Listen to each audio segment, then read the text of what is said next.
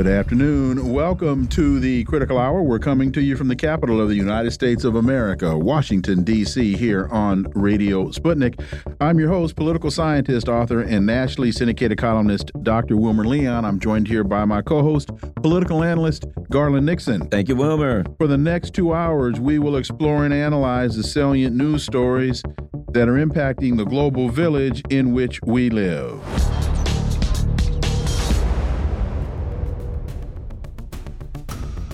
So today is the New Hampshire primary, and a lot of things have changed in the week since the Iowa caucuses. For insight into this, let's turn to our first guest. He's an independent investigative journalist and author of three books The Frozen Republic, The Velvet Coup, and America's Undeclared War, Daniel Lazare. As always, Dan, welcome back. Thanks for having me. So the adage as uh, is as Joseph Chamberlain is credited in 1886 as having said, in politics, there is no use in looking beyond the next fortnight. And folks, a fortnight is two weeks. Uh, Dan, oh, I thought it was a video game. Uh, Darn. Well, is that too? Yeah, is that too? Uh, a lot has changed in uh, in the week since the Iowa caucuses. The Republican field has contracted. The Democratic race, especially in New Hampshire, is really crazy. And the stakes remain high, uh, especially if you're somebody whose name is not Donald Trump. Uh, and so, Daniel Lazare, your thoughts on uh, where we are today as we await the results from New Hampshire? Well, I mean, Trump is uh, Trump is is well in the lead. He's solidifying his hold. I mean, we'll see what happens tonight, uh, but the, the polls show Trump way ahead. Uh, so unless they're really off, I think what we're going to see is that Trump is going to is going to clinch the nomination. That Nikki Haley will drop out, and that uh, that essentially the party will be his to command. Two things quickly. One, uh, the early results from uh, Dixville Notch tell us that uh, Nikki Haley won Dixville Notch, all six voters in Dixville Notch. And then literally, it's folks. Over. Call it, Wilmer. Call it. It's I, over. I'm, I'm going to call this one. all six voters have voted. And all six, I think it was four Republicans and two independents, went for Nikki Haley. Uh, Daniel, knowing though knowing that data does that have any impact on your analysis? Yes i i, I take it all back. I completely completely cancel everything i just said. I'm now i now believe the opposite that the the, the nomination is going to go to nikki haley and that's the end of the story. Uh, nikki haley who's famous for declaring that america has never ever ever been the slightest bit racist nope. in its entire history yeah, and she's also said that when she was a little brown girl, she got teased all the time for being a little brown girl. And but there's never any racism. You know, here's the thing I've noticed too in reading. You know, I read all the conservative stuff. I try to read as much as I can, and it seems to me that the more the kind of system people, the people they view as the Pelosi slash Mitch McConnell, you know, that kind of um, single party thing, the more they say Nikki's our person, the more Republicans and people drift away from her. It seems like like that's a radioactive um, uh, support, shall we say, Dan? Yeah, well, I think that that Haley has never. I mean, she has never come up with a with a coherent message. I mean, she says uh, she's not Trump, uh, that Trump can't win. She supports him in all, virtually all respects, but he says she says he can't win, that only she can win. But the message doesn't really compute. I mean, people want to go with Trump. They want to have a showdown with the Democrats. Uh, uh, Trump really is stirring, you know, deep enthusiasm in the ranks, and I just don't remotely see Nikki Haley doing the same. Uh, she just has never come up with a with a coherent message, and I think it really that's why her her campaign has been so weak, and also why she makes incredibly silly comments about you know about the Civil War having nothing to do with slavery or America never ever being a racist country. A couple of other things there would like to get your take on. We, uh, Garland and I were talking about this yesterday as it related to Ron DeSantis, and that is people detect fraud fairly quickly when it comes to their um, political candidates. And so one of the other things about her that I see in this race is that she's a fraud.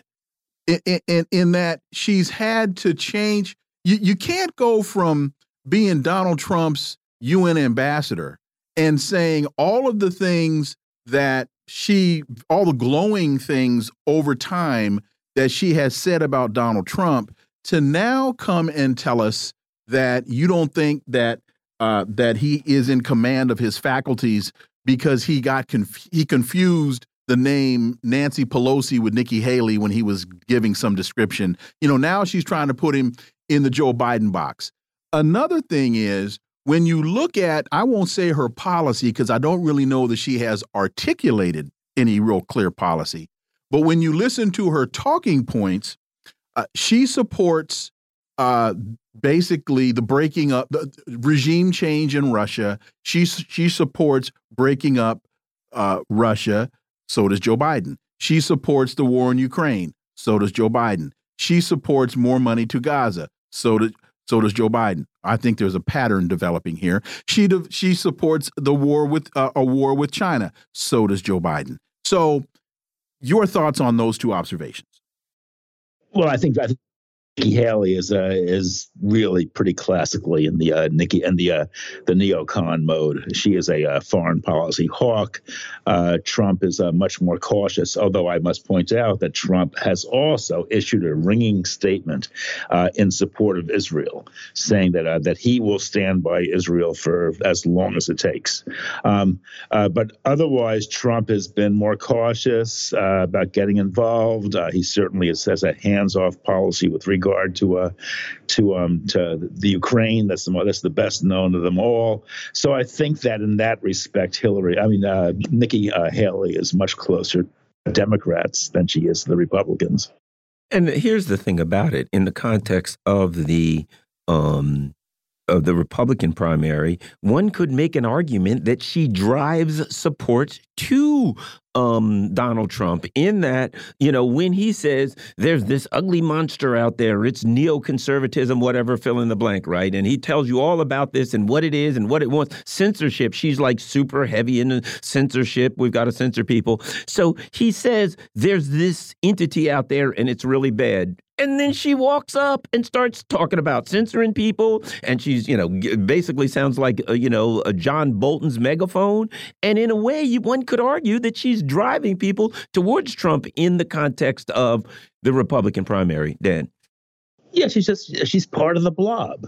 The blob being that broad sector of, of Washington opinion, you know, which essentially upholds the neocon consensus on foreign policy. Uh, and she's part of that blob. Uh, and so she basically agrees with the, the, the, think tanks and all the so-called experts and editorial writers, et cetera. Um, but uh, but and Trump, uh, you know, I mean, say what you will about Trump, but the guy is just he's just too smart to fall into that trap, and he knows where that trap is leading. Look at that. America's in, in, in various, very serious trouble. It's, it's, it's the number of wars are growing by the month. Um, and, uh, and uh, there's a limit to American power. So it doesn't really know what to do in this kind of idiotic neocon claptrap about like you know going to war war here and going to war there. It's just obviously a trap, uh, and Trump is smart enough to see through it to a degree. Switching to another issue, as many know now, uh, the prosecute, prosecutor in Atlanta, in uh, Georgia, uh, Fani Willis, uh, there are now allegations uh, that the Fulton County DA, Fani Willis, hired Nathan Wade as an outside consultant to work as a special prosecutor on the Donald Trump election subversion case and this hiring, it is alleged, occurred while Willis and Wade were allegedly having an extramarital relationship. Wade has received over $650,000 for his work. Um, and uh, uh and also credit card records in, indicate that Wade's that have been presented during Wade's divorce proceedings that he paid for Willis to accompany him on trips to Miami and trips to San Francisco. Uh, Daniel Lazare, your thoughts on, uh, as my older brother would say, this seems to be not stupid, but felony stupid. uh, yeah, no, I, I mean, it's not.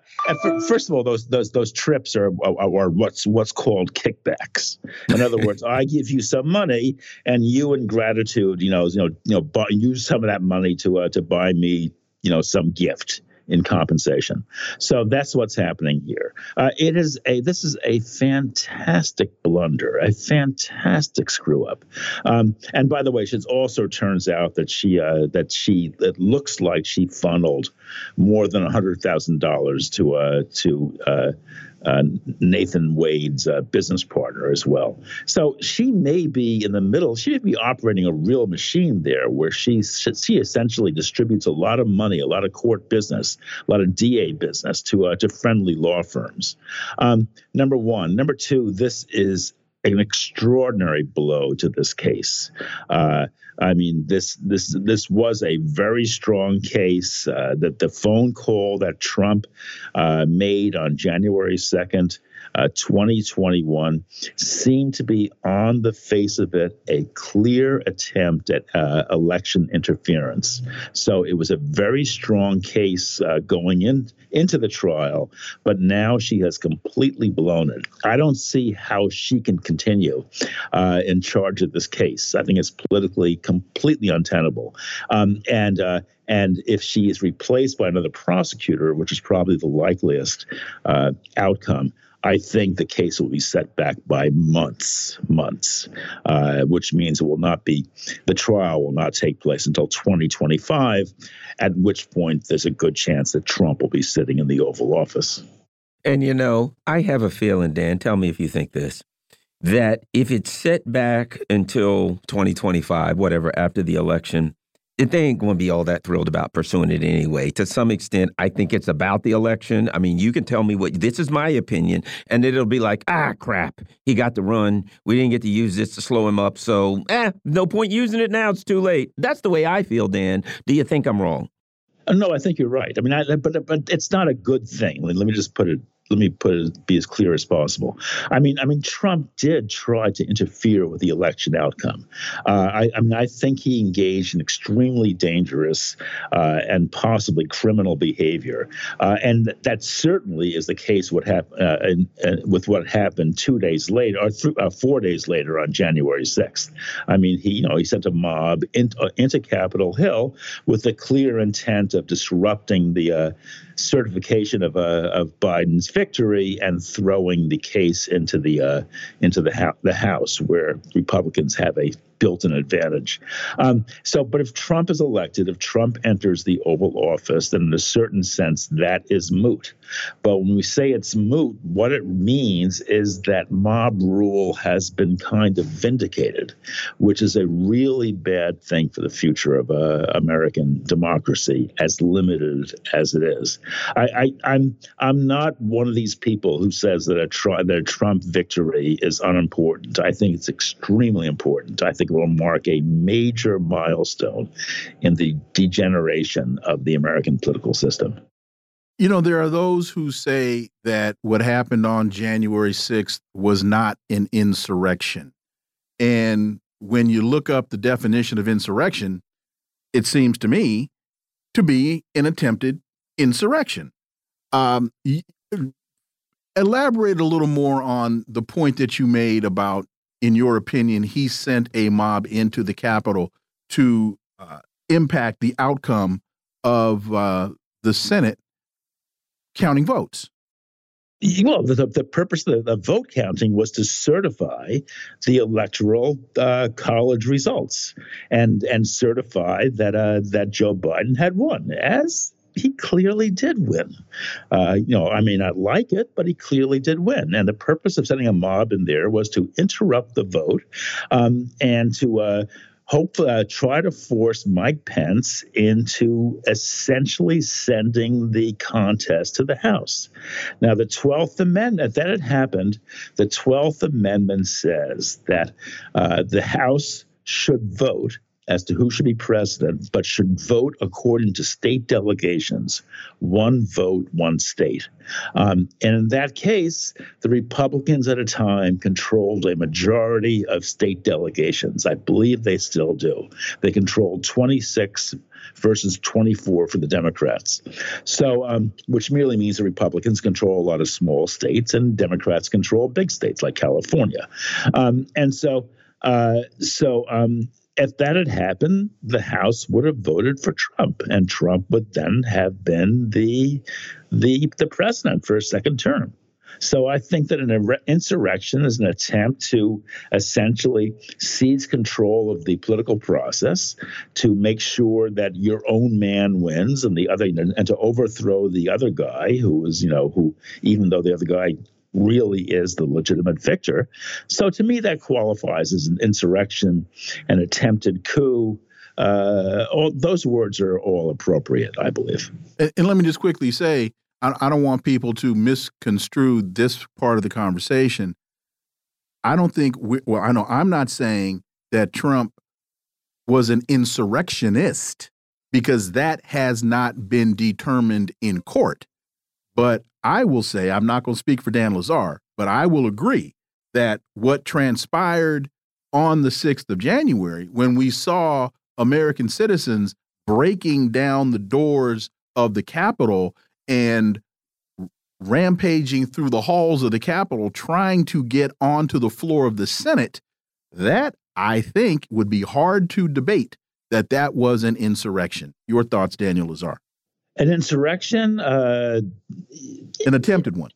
Attempted, no, I, I, agree that it was. Yeah, I agree that there was an, an, an insurrection, uh, an attempted coup, uh, a mob takeover. These all sort of mean the same things. And, and what they mean is there's a, there's a normal constitutional process, uh, legally outlined, and uh, and somebody, some mob comes in there and wants to interrupt it and impose its own will on the process.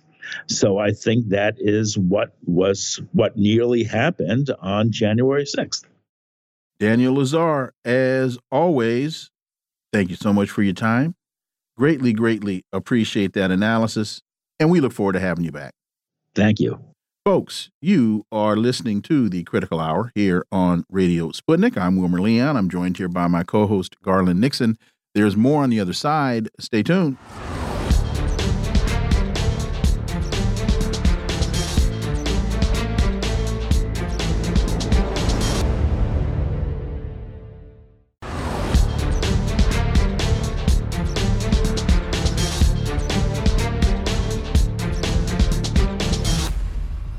We are back, and you're listening to the Critical Hour on Radio Sputnik. I'm Wilmer Leon, joined here by my co host, Garland Nixon. Thank you, Wilmer. Politico reports Slovak Prime Minister says Ukraine must give up territory to end Russian invasion. Robert Fico reiterates opposition to Kiev's accession to NATO. Slovak Prime Minister Robert Fico said Saturday the only way to end Russia's war against Ukraine is for Kiev to give up some of its territory to the invaders and reiterated his opposition to NATO membership for Ukraine. For insight into this, let's turn to our next guest. He's a Moscow based international relations and security analyst, Mark Sleboda. As always, Mark, welcome back. Dr. Leon Garland, thanks for having me. It's always an honor and a pleasure to be on the critical hour. Quote, there has to be some kind of compromise, end quote, Fico told Slovak public broadcaster RTVS. Uh, quote, what do they expect that the Russians will leave Crimea, Donbass, and Luhansk? That's unrealistic. Uh, Mark, beyond those sentiments or statements, does this give us any insight into the broader feeling or consensus within the region? Well, I think one of the first things it tells us is that NATO and EU unity uh, on the the Ukrainian proxy war on Russia has suffered a another blow. Now it's not just Viktor Orban in Hungary, whom uh, can be cast off as far right, But now Robert Fico in Slovakia is is joining him, um, perhaps going even further. But he's from the far left now, so this is getting uh, really confusing. Uh, but there is definitely a fracturing of unity, and uh, I mean, w- while uh, Fico and Orban have have both essentially adopted a realist vision, uh, and and not only realist, probably the only realistic foreign policy uh, position uh, in Europe, which which makes them the only grown up statesmen at the table. Uh, now, of course, it's not really about territory; it's about the people that live there, uh, and what the regime in Kiev has done to them uh, over the past decade since it seized power in the openly West-backed Maidan Putsch in 2014. Uh, but um, it's uh, there's a large amount of pending tens of billions of euros, you know, dollar equivalent of of of financial aid that is uh, supposed to go from the EU to Ukraine uh, that, that has been uh, voting on in uh, the European uh, Council. Um, and uh, Hungary has been holding this up. and in response to that, the the dominant discussion right now uh, in the EU is to remove Hungary's right to vote on issues regarding Ukraine because Hungary is not representing core EU values, which evidently means uh, funding a Banderite fascist proxy regime uh, in Ukraine. Uh, but that is suddenly that that plan is already um, shredded uh, because the Slovak uh, Prime Minister Fico has come out and said that he will not allow that to be done.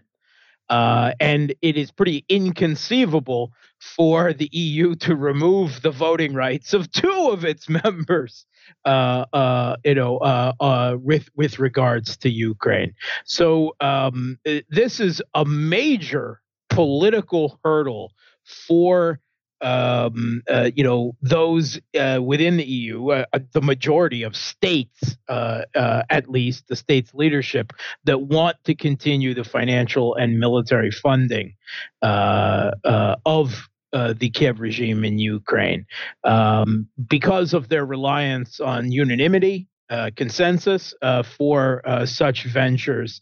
Um, it is not going to be easy. They may have to uh, give up on the idea of providing this aid through the EU uh, at all and have to go to individual um, states. Uh, parliaments, uh, governments to send the aid to Ukraine, which will lead to a whole host of other political uh, problems, issues, complications, and and probably ultimately result in much less aid being sent to Ukraine than would have been sent otherwise as uh, it appears to me that the EU's pragmatic caucus seems to be growing. It seems that that's their problem.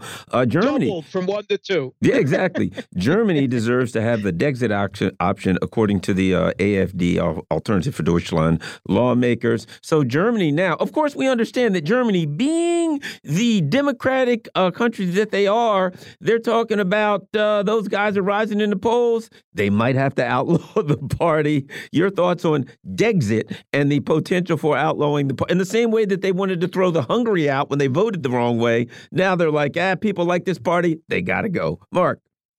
Yeah, I mean, this brings the democracy deficit in the EU. That, I mean, the the academic discussion is actually decades old, but it brings it to new, crazy Orwellian heights. Uh, the alternative uh, for uh, Germany, uh, alternative for Deutschland, AFD, uh, is now the second most popular party in Germany, polling at twenty three percent, higher than any and all of the parties in the current government, which will tell you a lot about how strong a coalition and how much public support uh, for its positions. And although the, the AFD uh, has been growing over the years, its sudden explosion is almost certainly due to the current government's position uh, on Russia, uh, meaning including uh, not just the support of the Kiev regime, but also the blowback of the sanctions installed, the uh, Ukrainian uh, refugees they brought in that have caused a whole, uh, you know, uh, uh, are, are a further exacerbation of the migrant uh, issue, refugee issue as well in Germany.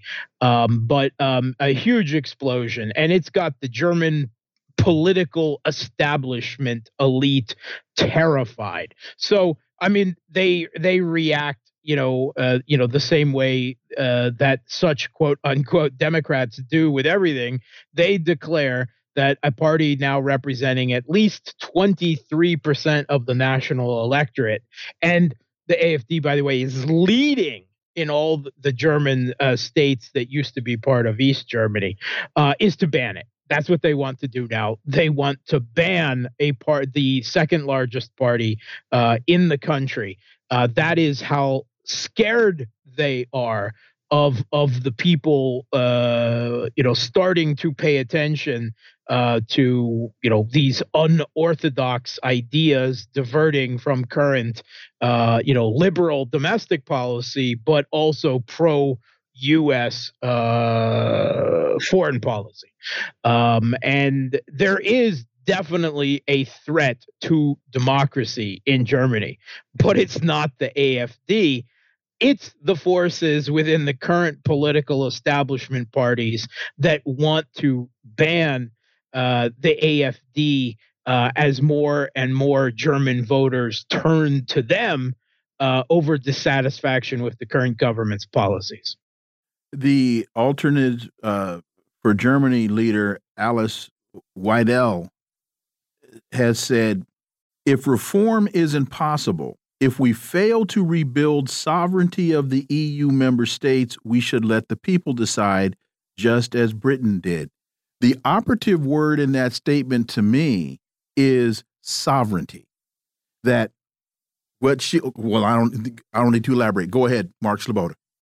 Yeah, I, would, I mean that's a, a really great point um, because I think sovereignty uh, and the um, abdication of German foreign policy sovereignty to the U.S., particularly highlighted with the destruction of the German Russian Nord Stream pipelines, by the U.S. who didn't want Germany having an economic relationship with Russia uh, anymore, and and didn't want to give them a chance to go back after the current situation is over, uh, really comes to the heart uh, of a lot of Germany's foreign policy problems that the AFD is highlighting.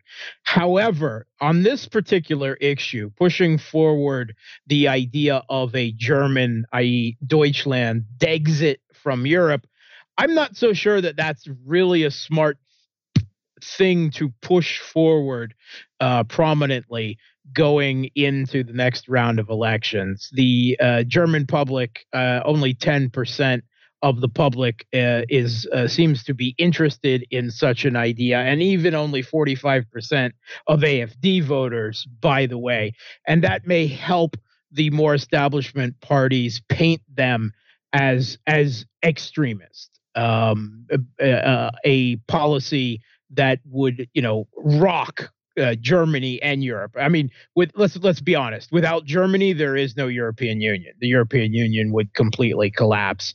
Uh, but since this isn't a measure that is extremely popular among uh, German voters, um, I I would suggest that uh, this is not something that they should highlight going into the election season, even if the principles of sovereignty on a broader issue are certainly something they should be bringing up.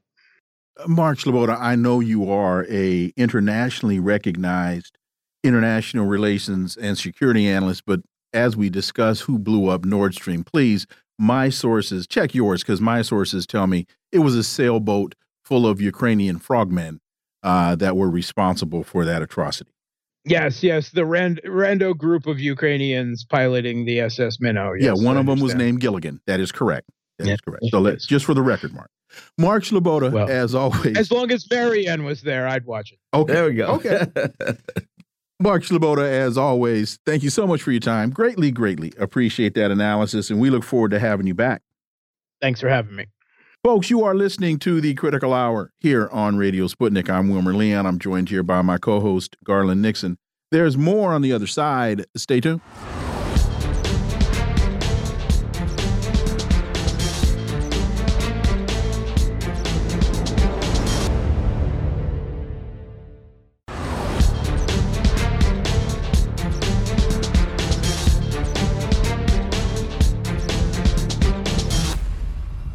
We are back, and you're listening to the Critical Hour on Radio Sputnik. I'm Wilmer Leon, joined here by my co host, Garland Nixon. Thank you, Wilmer. Consortium News has a piece entitled Caitlin Johnstone Welcome to the Empire.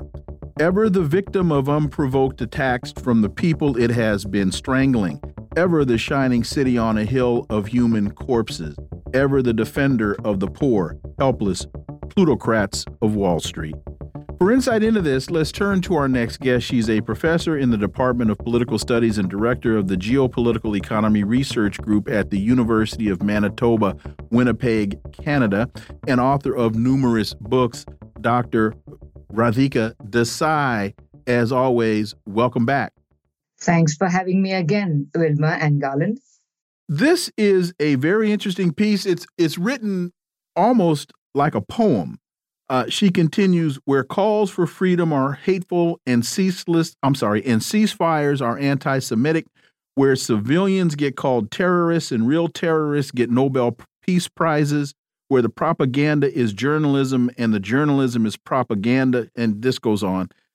Caitlin is critiquing the hypocrisy between the stated rhetorical aims and versus the real outcomes of U.S. policy. Your thoughts, Dr. Desai?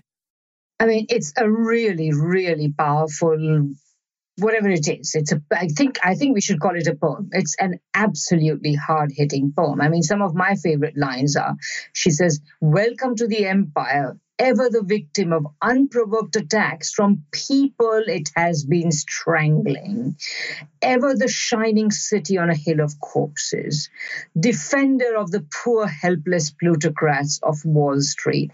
So, you know, this is really amazing. And but at the same time, you know, I sometimes, you know, there are lines where you think, you know what, Caitlin, this is pretty awful, but in some ways the reality is even worse. Let me take one example whose wars, she says, welcome to empire, whose wars, wars are always just and whose enemies are always Hitler.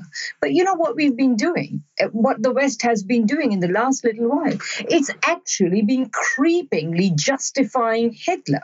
It has been justifying fascism and Nazism in Ukraine. It has been justifying Banderaism and essentially putting it about that, you know, putting about the basically the story that the Banderists have, which is it was okay to fight Stalin uh, and, and fight with Hitler because you were fighting Stalin. So, so in that sense, we are actually now coming to a really frightening point where the, the empire has become so bankrupt.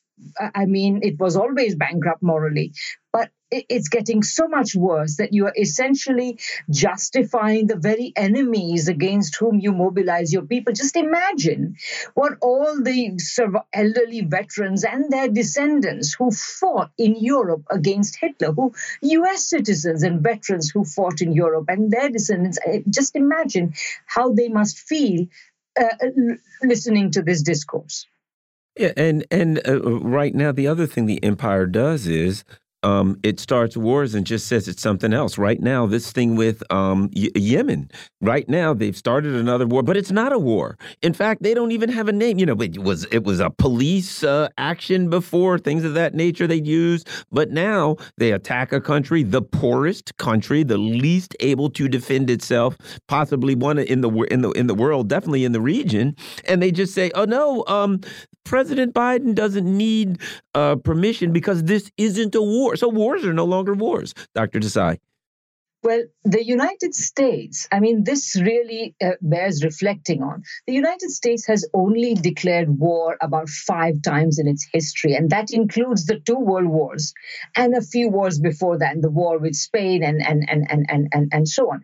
So, it's essentially, as we know, I mean, on the one hand, we all know that the United States has continued to be at war since the Second World War ended. It has never stopped. It has always been engaged militarily, somehow or other.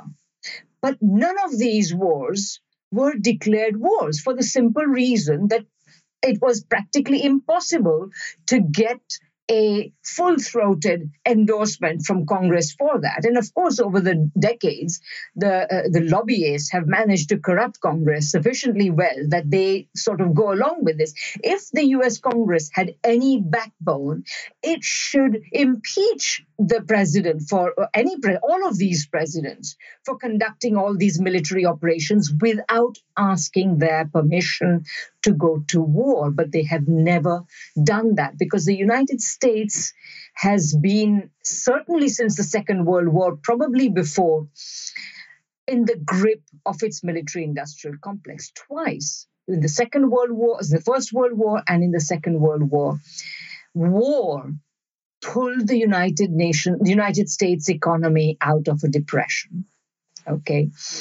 And since then, the United States has been an economy which is large parts of which depend on on war. And I'm not just talking about the military industrial complex. You have to understand that the, um, uh, the, the the information and communication technology sector, the whole Silicon Valley business, they are their their prosperity, the money they get from the government is all bound up with military contracts. Finance capital, the leading section, if there is any, of American capital, it has its fingers deep in the military industrial complex. Pie because that's i mean that, this is one of the most lucrative ways of making money because all these military companies they get contracts from the from the government which do not are not properly scrutinized. They can charge you know they can overcharge for everything. And so of course there are fat profits to be made. And this is of course what finance capital wants.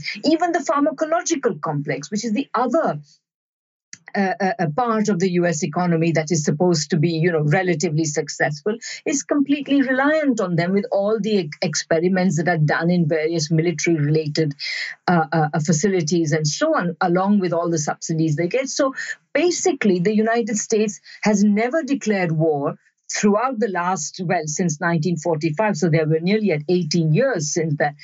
The US has never declared war, but it has never ceased to be at war. And it has always been boom time for all the for the military industrial complex and everybody else who makes money out of it.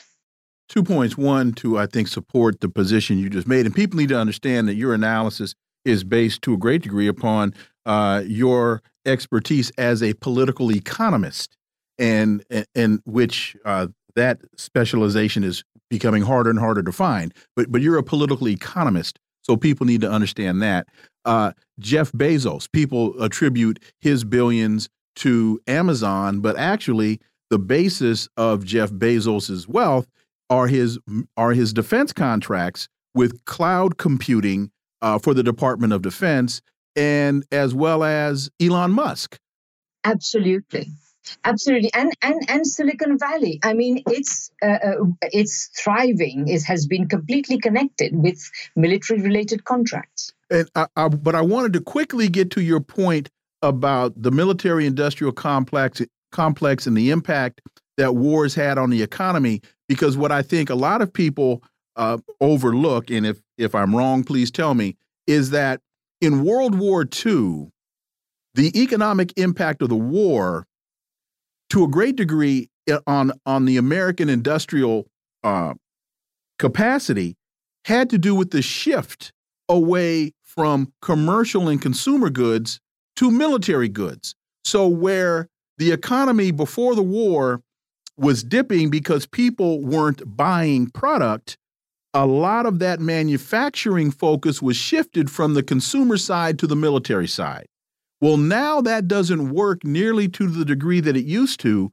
because we have developed an entire separate military building capacity that is ongoing. So it no longer offsets the commercial side. It has become an industrial engine of its own. Does that make sense?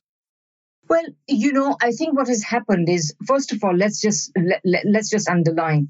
Every a lot of people think that FDR's New Deal pulled the United States out of the Great Depression. That is not true. FDR lost his nerve four years into the New Deal. By 1937, he basically cancelled it, and the economy had nosedived. And it wasn't until two years later, when the war broke out in the in Europe, and European countries began demanding everything you need to fight wars. You need food to fight wars. You need clothing and uniforms to fight wars. You need armaments to fight wars. And the US economy went from being in depression to firing on all cylinders, the so called arsenal of democracy. What people forget is that in these six years from 1939 to 1945, the US economy doubled in size. It would not double again for another 22 years, even though these were the so called golden age years. So just think about that in terms of what this did to the US economy. Now, in those days, the US economy was still a relatively a balanced economy with, of course, yes, there was a vast expansion of military production, but there was also a huge consumer industry complex. Now, what has happened over the decades of neoliberalism is that essentially American corporations have been given the right to outsource all the lighter production and even some medium level production to countries with lower wages. And so, what remains in the United States is a very lopsided economy uh, in which, yes, the military industrial, the, the military production figures disproportionately. It, it is a disproportionate part of the economy, that's for sure. And uh, we, we, only got about a minute or so, but uh, there's a interesting article that needs to be addressed, and that is apparently in, in uh, Andrea Mitchell said that uh, uh, Antony Blinken said to Benjamin Netanyahu that there is no military solution to Hamas. If there's no military solution and you're continuing to attack and kill people, that means that this is not a military conflict and that is, in fact, just to kill as many Palestinians as, as, as possible. We only got about a minute. Your thoughts? Absolutely. Not only that, President Biden, as you know, a, a few days ago essentially admitted that uh, uh, uh firing missiles against the Houthis was not stopping them. So, what is the U.S. doing in the Middle East? And there are, of course, various uh, uh, uh possibilities that have been floated. You know, it's possible that the United States is merely trying to keep its credibility there, etc. But quite frankly, the U.S. is losing its credibility. My own view is that it's actually next to impossible possible anymore to make sense of uh, US purposes in any rational fashion.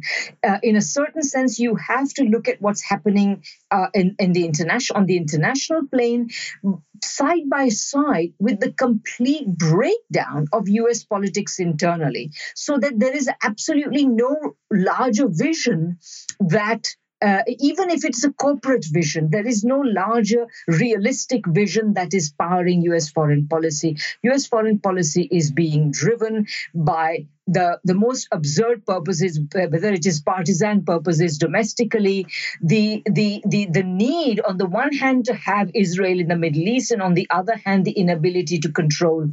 Um, control Netanyahu, and finally the uh, uh, the need to to to, to sort of uh, uh, uh, perhaps just pacify the military-industrial complex by creating a conflict in the Red Sea, which should not even exist. A lot of people have also pointed out that the actual economic impact of the Houthis' attacks is actually quite minimal, particularly on non-Israeli shipping. So, in that sense, the U.S. doesn't even need to be there to protect American interests. Dr. Radhika Desai, as always, thank you so much for your time. Greatly, greatly appreciate that analysis, and we look forward to having you back. Thanks so much, both. Um, yeah, great to be here. Bye bye. Folks, you're listening to the Critical Hour on Radio Sputnik. I'm Wilmer Leon. I'm joined here by my co host, Garland Nixon. There's more on the other side. Stay tuned.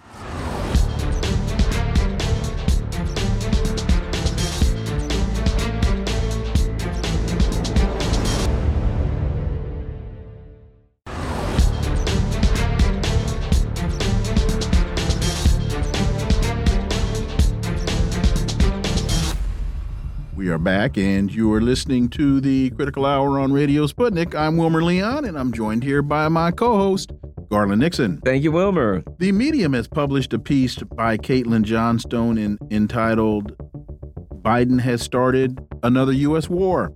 The Washington Post has an article out titled As Houthis Vow to Fight On, U.S. Prepares for Sustained Campaign, with sustained campaign being empire speak for a new American war.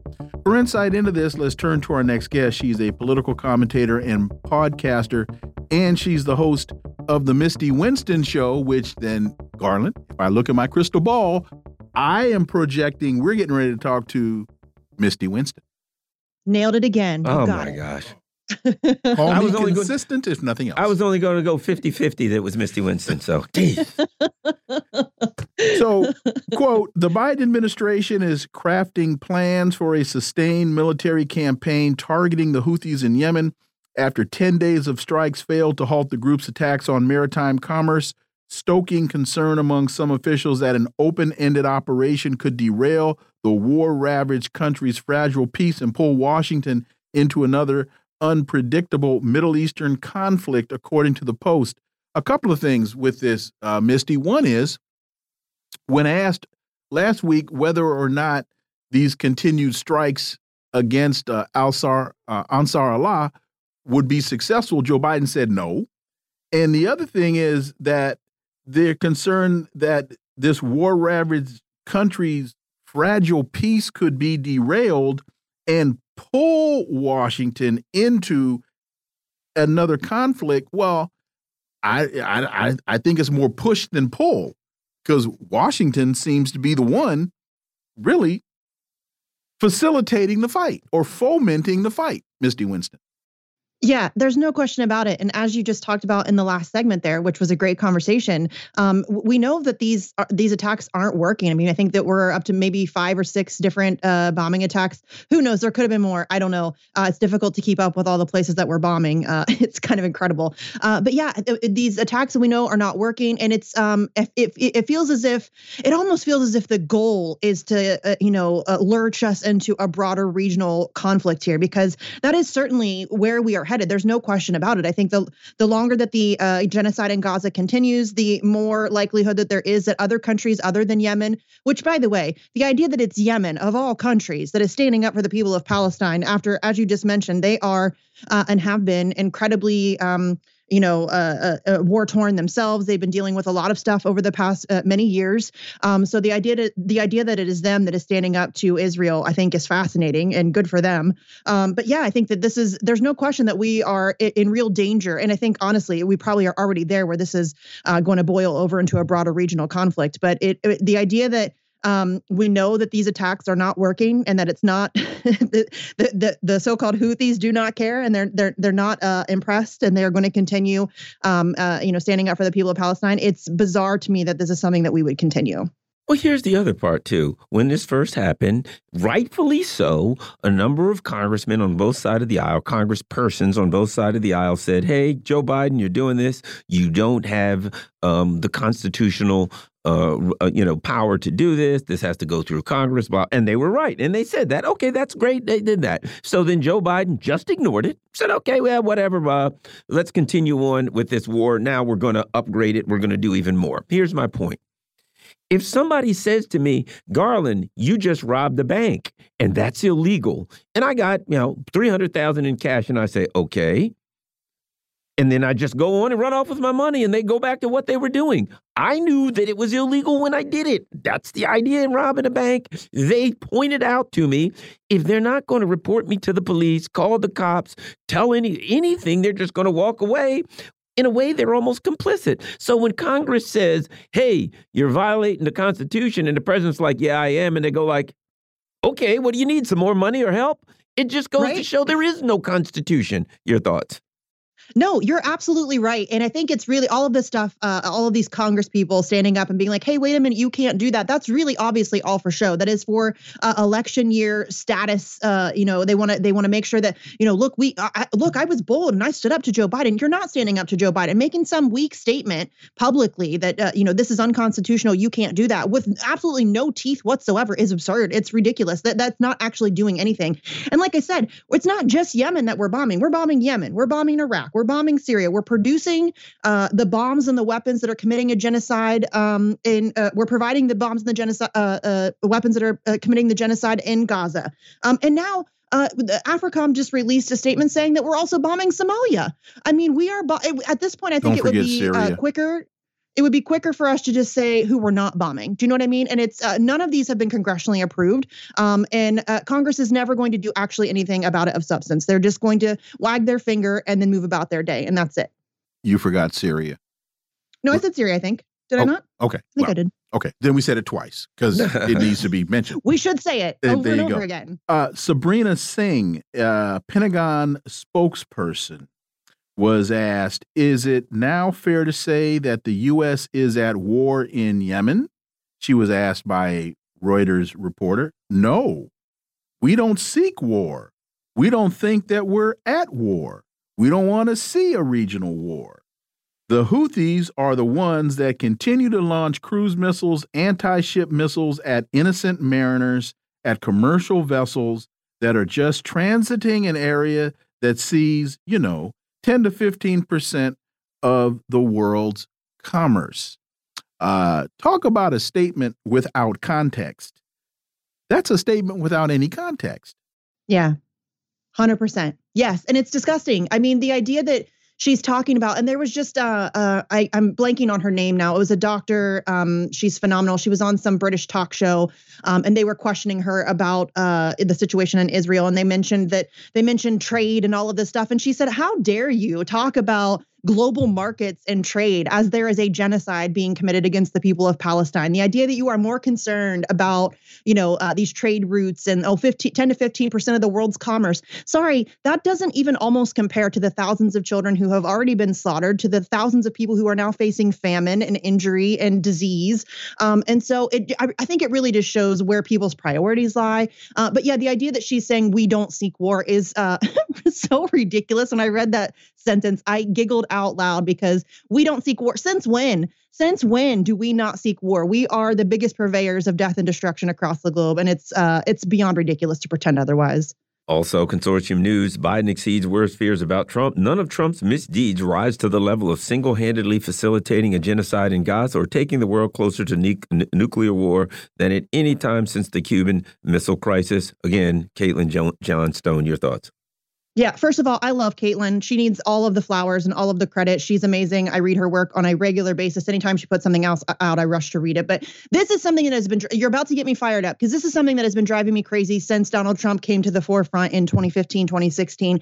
Um, Joe Biden has always been worse than Donald Trump, period. End of story. It is ridiculous to claim otherwise. Joe Biden has had 50 years in government, 50 years in positions of power um, to do really nefarious, shady, and dangerous things. And he has uh, taken advantage of every opportunity to do that. He's incredible incredibly corrupt. And listen, that doesn't mean that Trump isn't also corrupt, but he also hasn't had a 50 year history in government in positions of power to do really terrible things. He's a business guy and he's done terrible things in business. There's no question about it.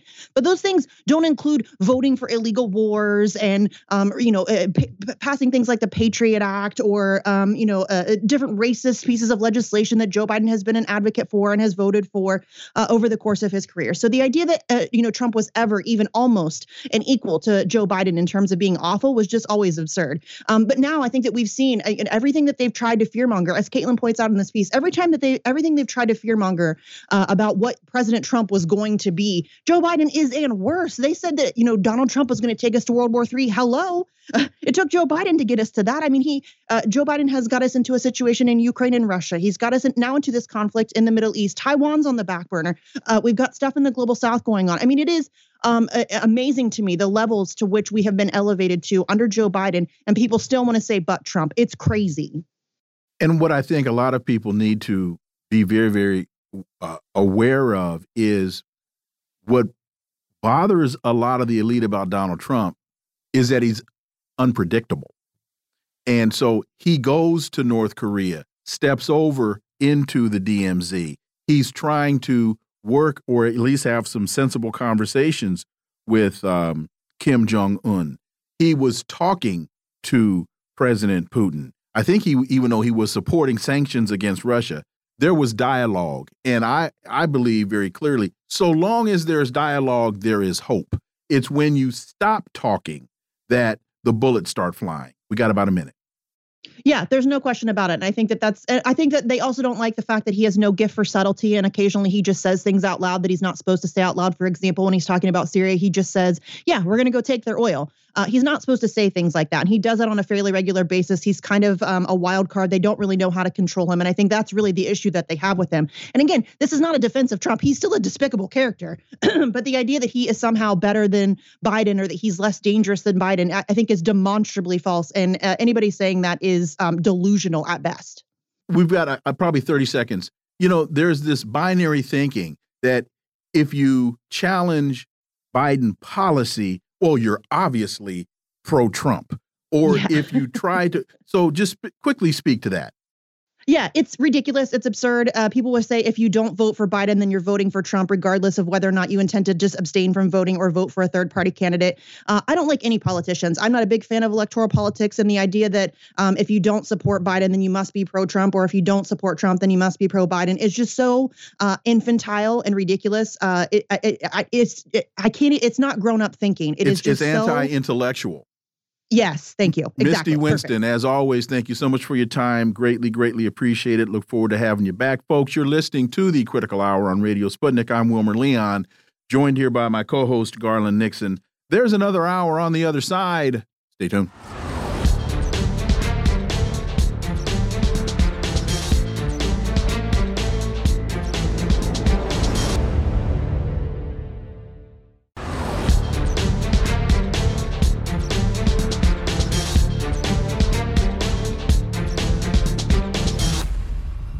We are back, and you're listening to the Critical Hour on Radio Sputnik. I'm Wilmer Leon, joined here by my co host, Garland Nixon. Thank you, Wilmer. The New Arab reports Gaza. Khan Yunis encirclement sparks healthcare fears. The Israeli army said today that it had suffered its biggest single day losses since the start of its ground war in Gaza amid growing pressure on the government to end its brutal onslaught. For insight into this, let's turn to our next guest. He's the host of the Left is Dead podcast. He is James Carey. James, as always, welcome back. Always good to be here. Heavy clashes came as a White House official was due in the region for talks aimed at securing more hostage releases. And as U.S. media reported, a new Israeli proposal for a deal that would involve a two month pause in fighting. First of all, James, I found this piece interesting because it was published. Uh, I oh, it was in a New Arab, um, but there's there seem to be subtle nuances now in some of this reporting. It seems to be it's almost as though they're now forced to tell the truth, and amidst all of this so-called negotiation, there doesn't seem to be anything that's really focused on ceasefire and a peaceful resolution to this conflict, I guess because those on the Israeli side see anything of that nature as a total failure. Your thoughts, James Carey?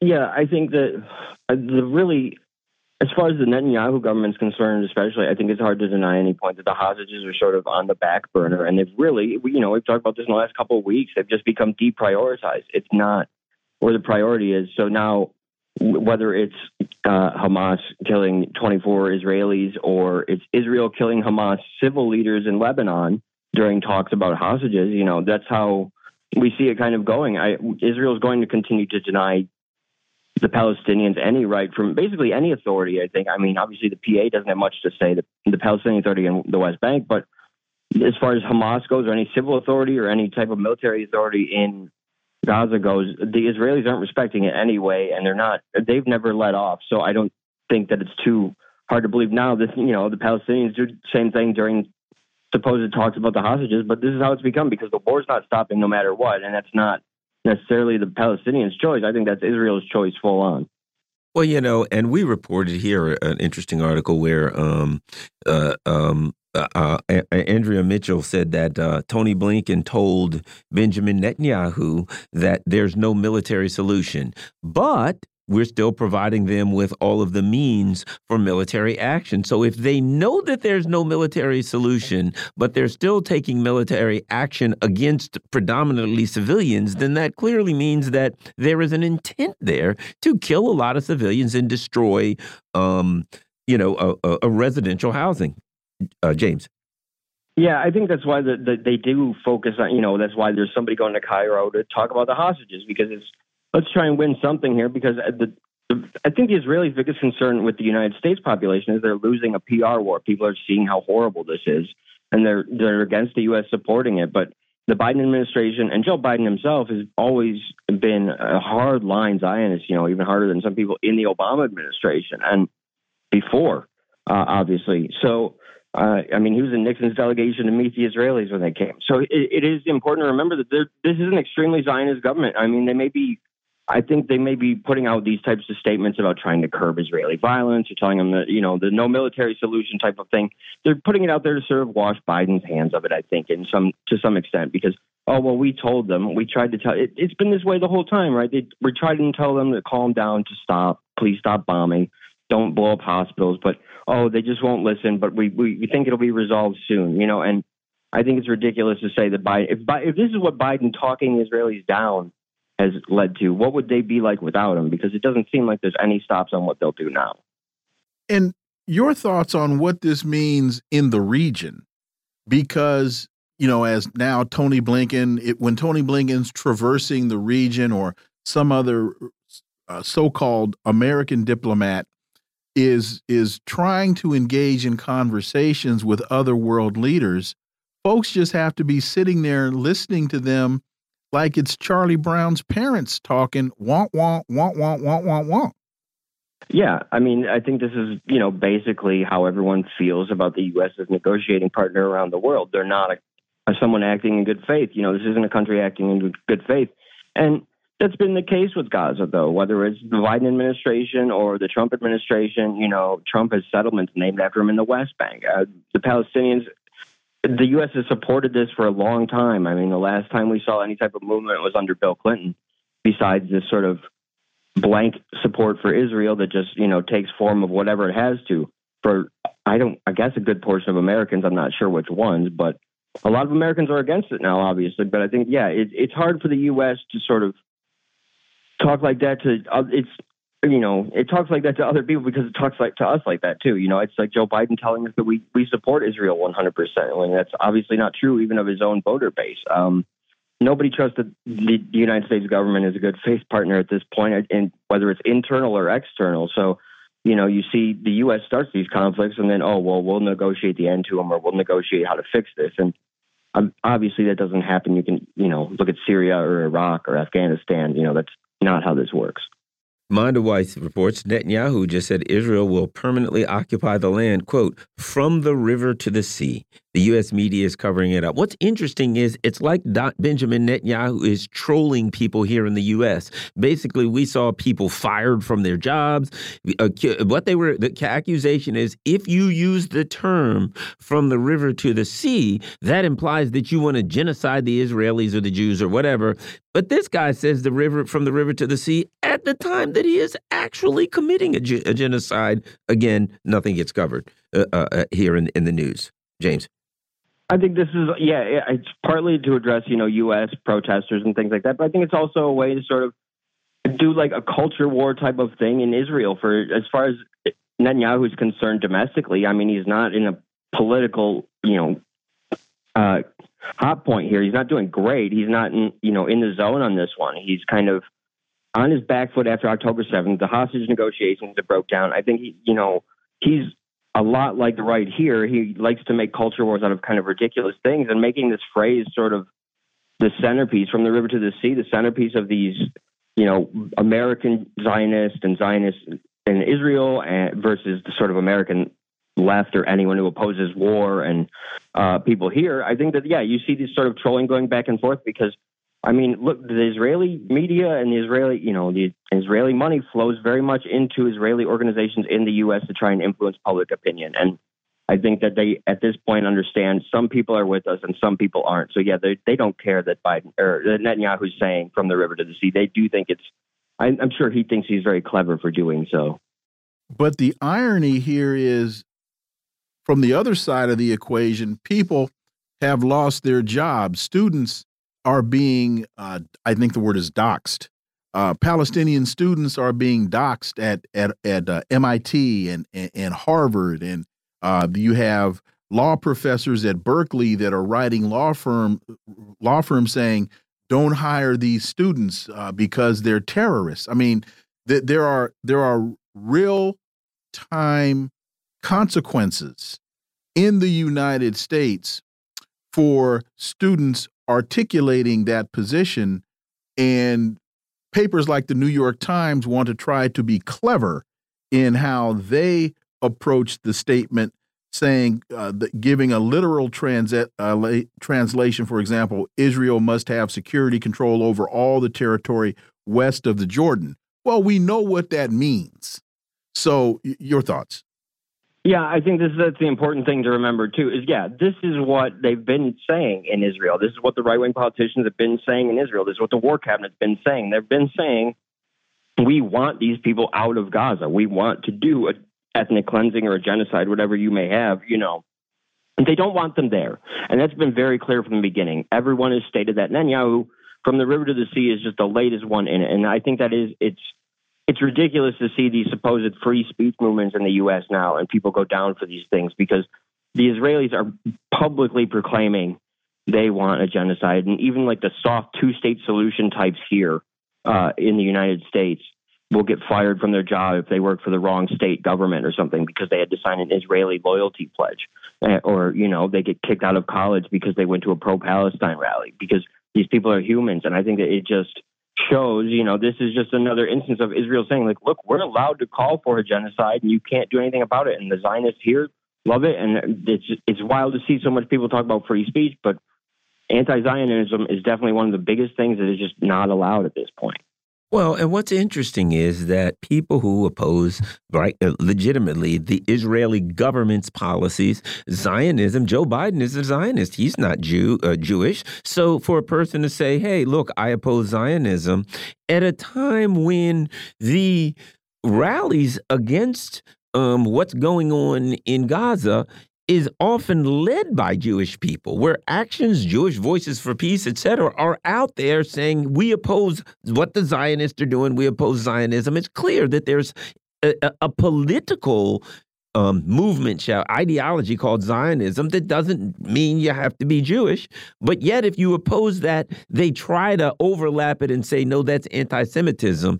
If you oppose Joe Biden, who's not Jewish, your thoughts? Well, eh, just to put it really, really simply, not all Zionists are Jews, and not all Jews are Zionists. But somehow, I think that. Go ahead. Oh no, I think the important thing to remember in this country is the largest pro-Israel lobby is not necessarily AIPAC. It is a Christian lobby. It is the you know it is a Southern Baptist formed lobbying group that is the most pro-Israel here. The fact is, if if you wanted to be in Israel and you were a Zionist and you were an American Jew, chances are you'd be in Israel now. You would serve in the IDF at some point. You wouldn't be here. I think most Jews here, you know, they can see how wrong this is and how immoral this is. Even you know, some Orthodox sects here are like that. Uh, a lot of, you know, there's a lot of diaspora Jews who are older that are like that. And there's a lot of younger Jews who just have no interest in being Israeli citizens. Zionism here is held up by an incredibly strange coalition of these, you know, um, big lobbying groups like AIPAC, and but also, like I said, the largest lobbying group is Christian. Those are the weirdos who kind of love Israel for strange reasons, for their own reasons. It, it, it's very complicated, obviously, and I mean most people know them, but it, it's just that's not who really supports Zionism here. Zionism is a movement to sort of it's it's become even more either hyper religionist type of thing, or it's a very anti-Islam type of thing. It's somebody who has a, a sort of different type of bent to why they want to do things. And there's a there, there's an interesting um, context to that in that you know the argument, the Zionist argument that Jewish people are not um, safe. They're not safe in the U.S. or the or the EU. They're not safe in any of these places, so they have to have their own homeland for safety purposes. That's a big part of the Zionist argument, right? But if you're an American, aren't you arguing Jewish people aren't safe here, so they have to go elsewhere? Where I argue, yeah, they're perfectly safe here. They can go elsewhere if they choose. But to me, there's an anti Semitism somewhere in the argument that Jewish people aren't safe amongst us. So they got to have another place, and uh, as opposed to those, uh, those of us who say they're perfectly safe amongst us. And that's a big problem that Netanyahu is having because part of his whole pitch has been, "You need me to keep you safe from these animals." And now it's been determined, uh, Bibi, that whole position was a lie. James. I think it's just it, it's who loves Israel. You know, I mean, the right wing in this country loves Israel. The right wing in most countries love Israel. And Joe Biden, for what he is, he's a right wing president as far as foreign policy goes, as far as letting people get fired from their jobs and kicked out of schools for supporting Palestine goes. You know, the Israeli government is flying supporting anti Semitism all over the world because it makes it look like Israel is the place you need to be. They're fine, and because those governments typically line up in coalition with them. You know, they're usually anti-Palestinian or anti-Arab or sort of imperialist in some other way. Uh, those countries have no problem lining up with Israel, and if they're more dangerous for Jewish people who live in them, that's all the better for Israel because they'd rather have you back in Israel. They don't. The Israeli government is, uh, you know, far right Israelis and super nationalist Israelis don't like the diaspora, and that's pretty much made clear a lot of the time. James Carey, as always, thank you so much for your time. Greatly, greatly appreciate that analysis, and we look forward to having you back. All right, thank you. Folks, you're listening to the Critical Hour on Radio Sputnik. I'm Wilmer Leon. I'm joined here by my co host, Garland Nixon. There's more on the other side. Stay tuned.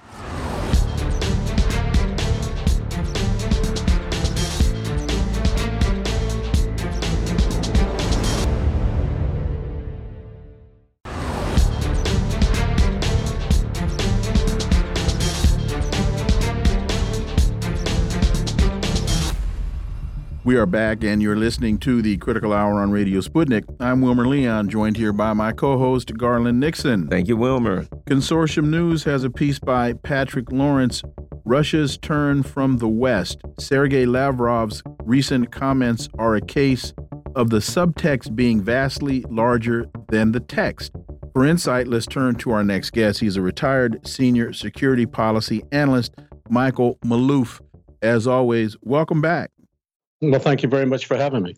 So, this is a critique of uh, Sergei Lavrov's most recent press conference. Uh, it says Sergei Lavrov's Russia's steady, able, intellectually quick foreign minister last week held one of those wide ranging press conferences he and his boss favor. Lav Lavrov's remarks are subtly delivered, but of a significance we must not miss relations between Russia and China currently experience the best period of their centuries long history, he said.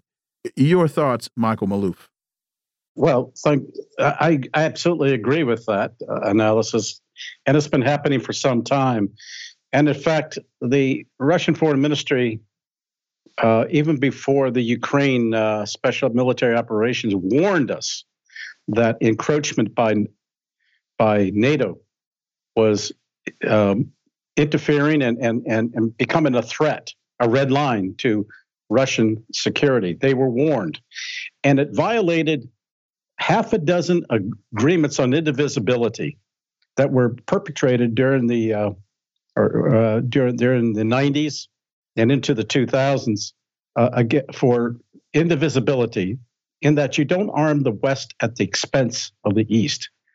That was all thrown out by Biden administration, his neoconservatives, and and by uh, by Stoltenberg himself, the um, uh, Secretary General of NATO, uh, and in the hopes of trying to contain Russia, but they were warned, and and by trying to make Ukraine join NATO, which was uh, fostered by uh, Lloyd Austin, uh, literally two weeks after the U.S. evacuated Afghanistan in that devastating evacuation. Uh, you have him trans- uh, walking around uh, Ukraine and, and even Georgia, getting their hopes built up to, to rejoin to, to join NATO. And this this was a red line, and and and uh, through December of uh, 2021, Washington was warned about that continuously, and it was flaunted and dismissed. And in fact, I had a, a Russian source, a, diplomatic source, tell me, why are the Americans talking down to us like this? We're concerned. We're very we're alarmed. We don't want to have uh, hostilities with uh, with the United States. That's all changed now because they know what the U.S. Uh, uh, motives were. They can't keep agreements. They wanted they want to bring down uh, the government of Russia, and and for and and and and try to build that that uh, NATO structure all around uh, all around Russia, and now to try to extend it. And we've heard Stoltenberg talk about this: extend NATO, the NATO concept, into Asia, and now that's going to get China aroused. He hasn't spoken that way recently, but it will probably come back up uh, uh, if if if the opportunity allows. And this is something we've got to really watch out. What is the motive for this? What is what's driving to push U.S. hegemony like this? Is this the the death knell, the death throes of a of a dying um, uh, democracy that we're that that's trying to push its le- leadership and lame leadership? And we're seeing this happening uh, continuously. We've had endless war for 23 years now. And when does it stop? And people are fed up. And that's why you're seeing other countries joining the, the likes of BRICS, uh, holding conferences about a, a, multipolar world order. They want to get out from under the, do, the dependency on the dollar and, and, and the Western financial system. And we're seeing this uh, continuously. We're seeing some 40 countries wanting to join BRICS, uh, and and uh, which would be that alternative. And and and now Moscow saying basically, there's no turning back. We know what the West is about. We don't trust them any longer. And I think they're going to minim- they're going to keep relations as, as long as they can, unless unless the U.S uh, pushes for those uh, Russian uh, frozen assets amounting to something like uh, 250 280 billion dollars in Western banks to be used for Ukraine. Uh, I've had I've had folks in uh, Moscow tell me that will they will sever diplomatic relations with the United States if that occurs. Well, and the other thing, you know, when you look at that, um, it's not just Russia. You know, this crew that we got in here now, I mean, to me, they're just um, uh, uh, fascist. I, I, really say that Biden's team are fascist because one of the foundations, I believe, of fascism is a commitment to war and a commitment to domination. And they are solely committed to war and domination of everyone. So at the same time, the same questions that Russia is asking itself, China's asking itself, Iran's asking itself, all of the major powers around the world who, whether you're happy with them or not, we all have to exist, are all saying these people don't want to exist together anymore. They are on the attack against us, both economically and in many cases militarily, and we have to defend ourselves. We're creating in our own actions an anti um, US pact that's ever growing. Your thoughts? Well, you're absolutely right, Garland. The, look, there was an interesting piece written this morning in uh, Military News, and in which it talked about the differences in approach by China and the United States in the Middle East. It talked about how China is trying to build up and work with it, knowing that the U.S. influence is still there. There's no question about that. But they're working around it. They have found workarounds and they're succeeding. And that to me is very significant.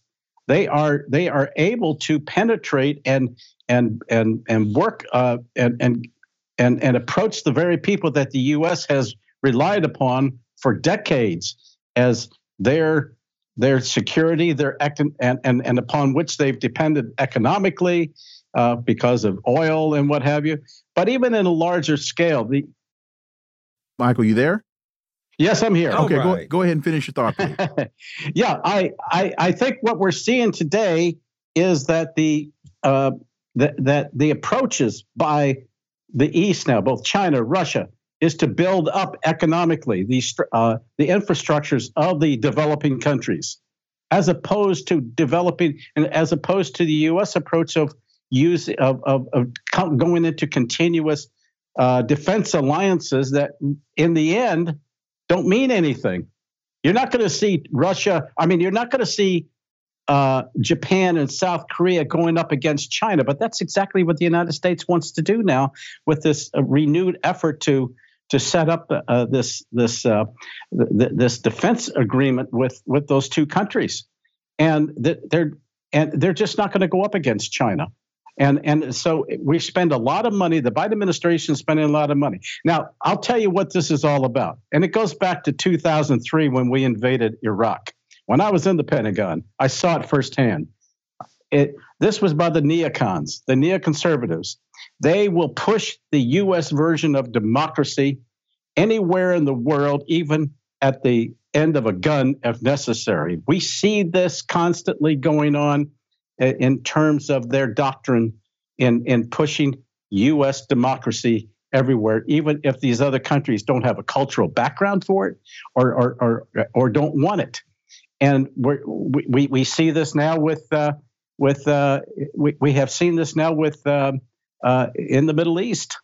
It, it's just it just doesn't work. And but going back to 2003, we did this in Iraq. When we went into Iraq, and this is one thing that I was against, and this is what got me canned. I opposed the fact that we went into Iraq to set that, to have regime change there, set that up as a hub. And then from there, we would it, work on regime changes in other countries, uh, such as Iran, Damascus, then Libya, even Saudi Arabia at that time. All the countries that were that, that, that were enemies of Israel. We looked at the Middle East, and we still do, through the prism of Israel. And this is where our downfall is. We don't work with these countries on a bilateral basis, but only how it impacts Israel.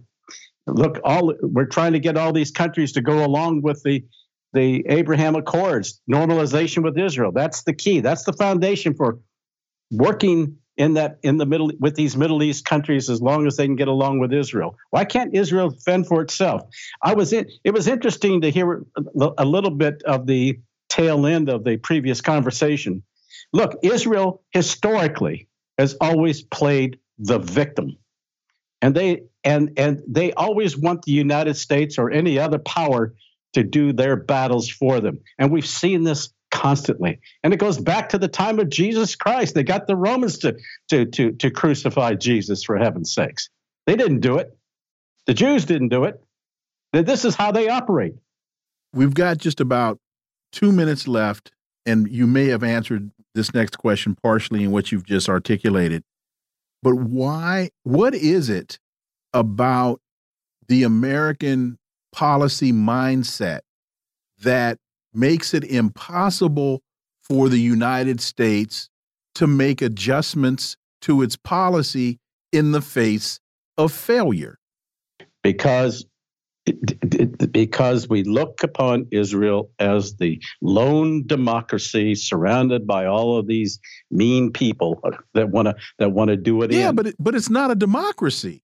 So I know that. I, I'm just telling you what their rationale is. They call it a democracy. Okay. It's their version okay. of democracy. Okay. But and, and the United and look how we look at the look at the the lobby that okay. Israel has today in this country, in, in especially on Capitol Hill. Okay.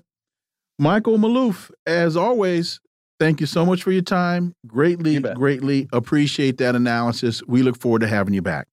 Thanks so much. Folks, you're listening to the Critical Hour on Radio Sputnik. I'm Wilmer Leon. I'm joined here by my co host, Garland Nixon. There's more on the other side. Stay tuned.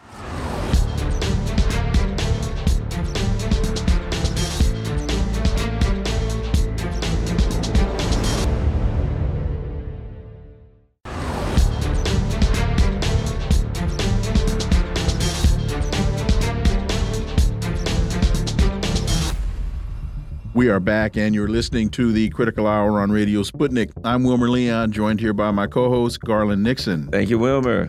ScheerPost has a piece entitled Julian Assange Excluded from Jailed Journalist Index Again. The Committee to Protect Journalists released its census report for 2023. 320 detained or imprisoned journalists were counted by the Press Freedom Organization as of December 1st of last year. As indicated, that number is not far from the record high of 360 journalists that was set in 2022. For insight into this, let's turn to our next guest. Uh, he is the host of AM Wake Up and Slow News Day, which you can watch live on Rokfin and Rumble and listen anywhere podcasts are served. Steve Poikonen, as always, Steve, welcome back. Great to be here, gentlemen. Thank you.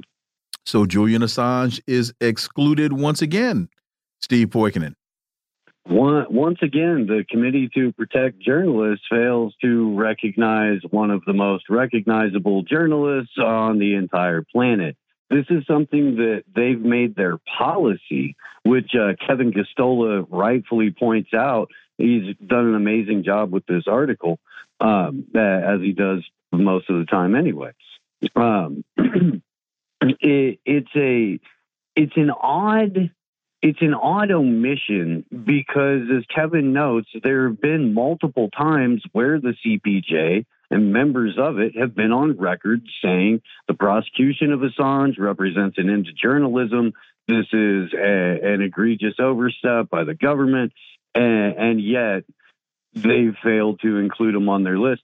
They've done that with a couple of other empire uh, targets in the past. Uh, and, it's something that should be discussed when we're talking about this because we're what less than a month away from uh, the final court date. We need everyone in the media to have this at the forefront of their thoughts uh, as we go to this court date.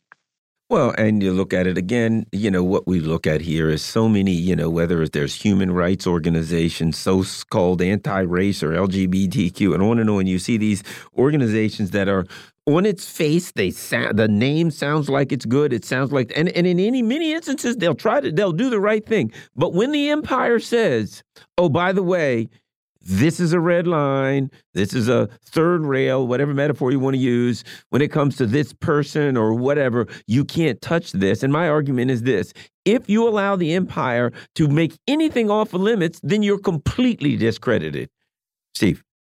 Absolutely. If there are exceptions to protection of journalists, then that's going to be exploited, trampled upon, and result in something that we've seen in occupied Palestine, where an egregious number of journalists have been killed, where uh, one of the most, uh, at least on social media, prolific journalists, Motaz, has after 100 and what 17 days or something like that, 107 days, uh, been forced to flee, been forced to relocate.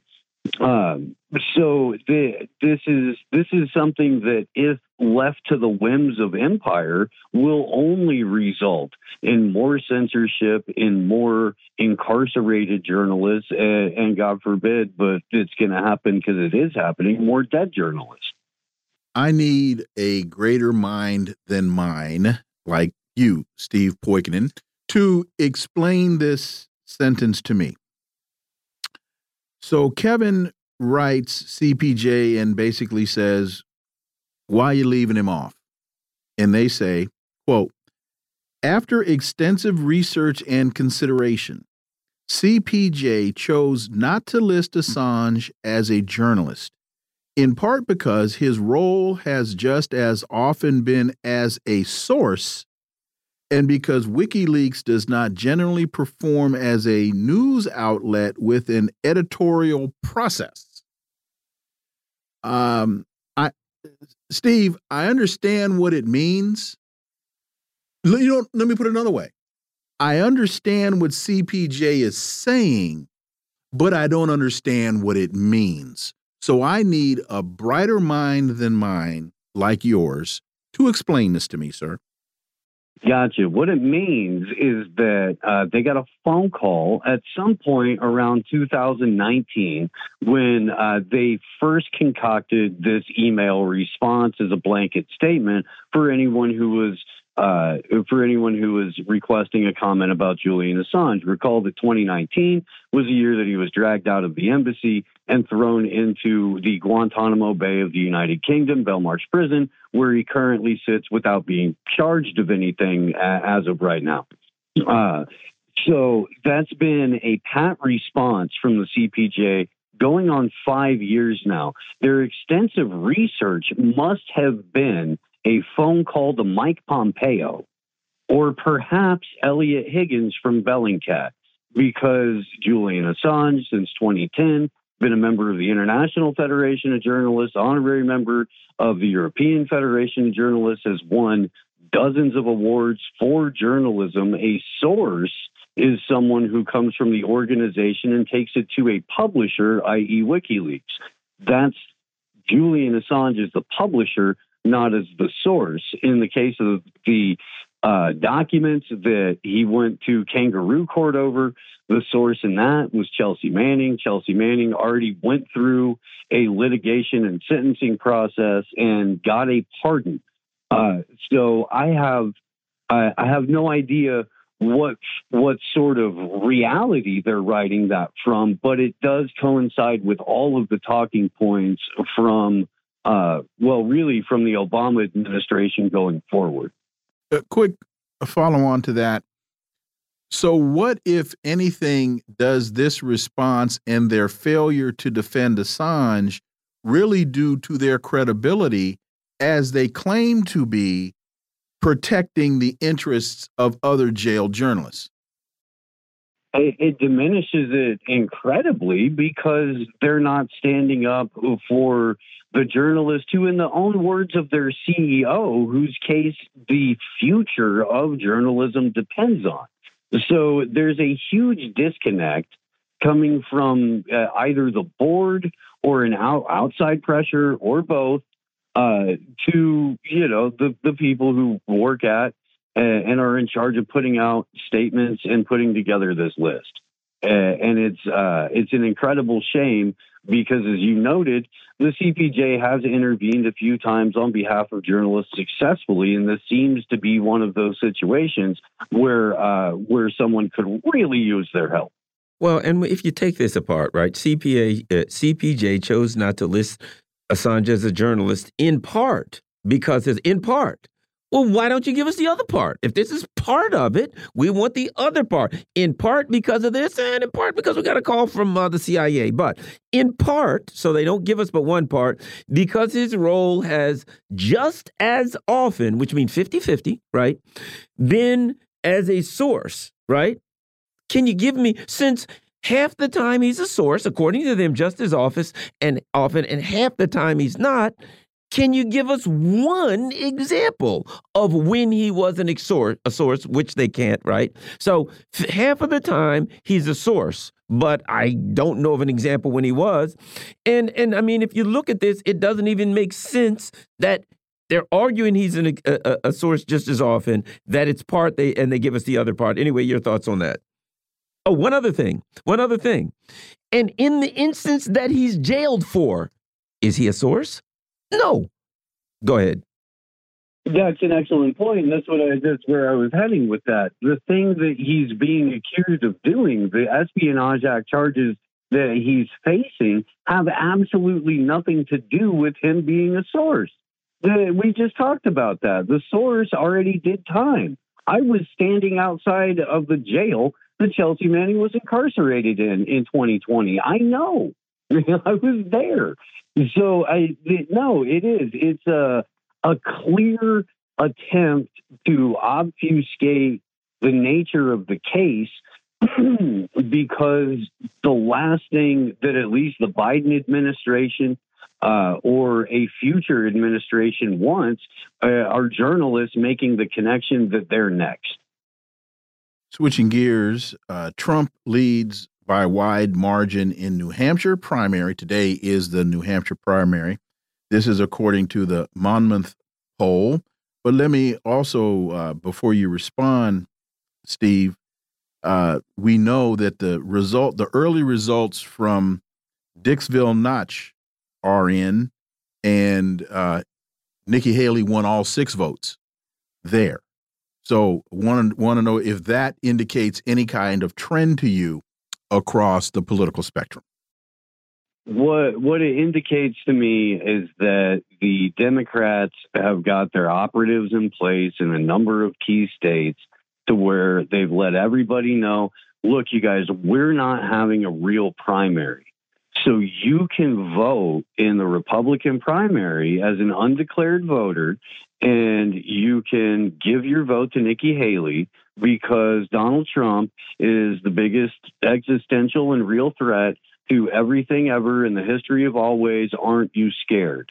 Uh, I think that that has been part of the part of the operation for the last uh, couple of weeks. Certainly, they were trying to get some of that done in Iowa.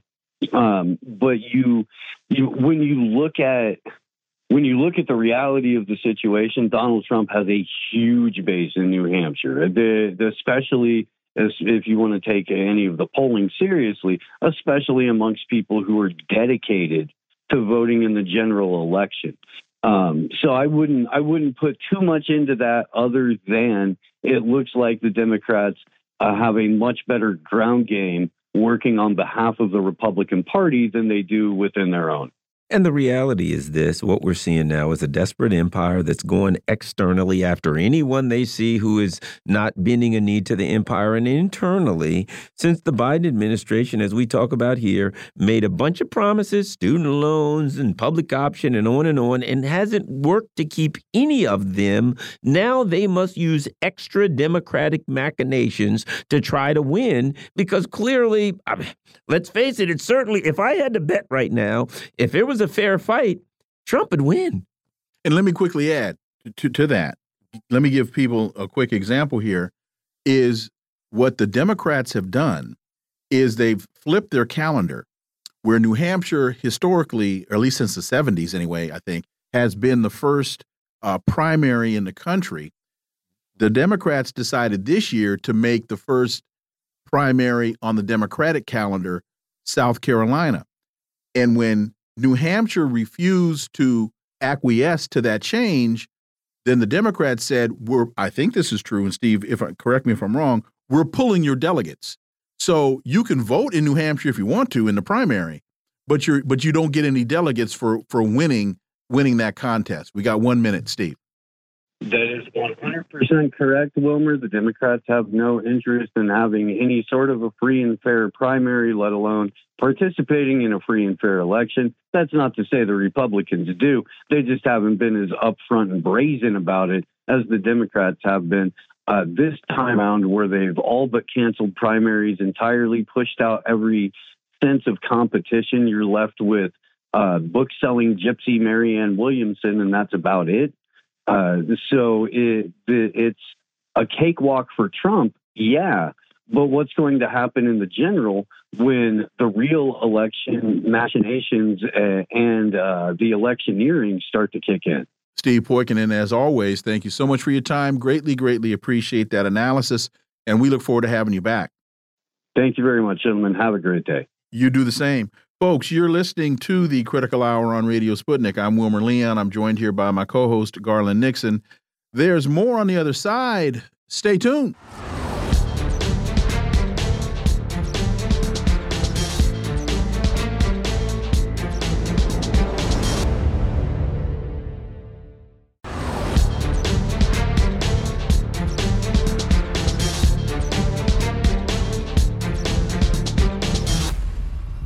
We are back, and you're listening to the Critical Hour on Radio Sputnik. I'm Wilmer Leon, joined here by my co host, Garland Nixon. Thank you, Wilmer.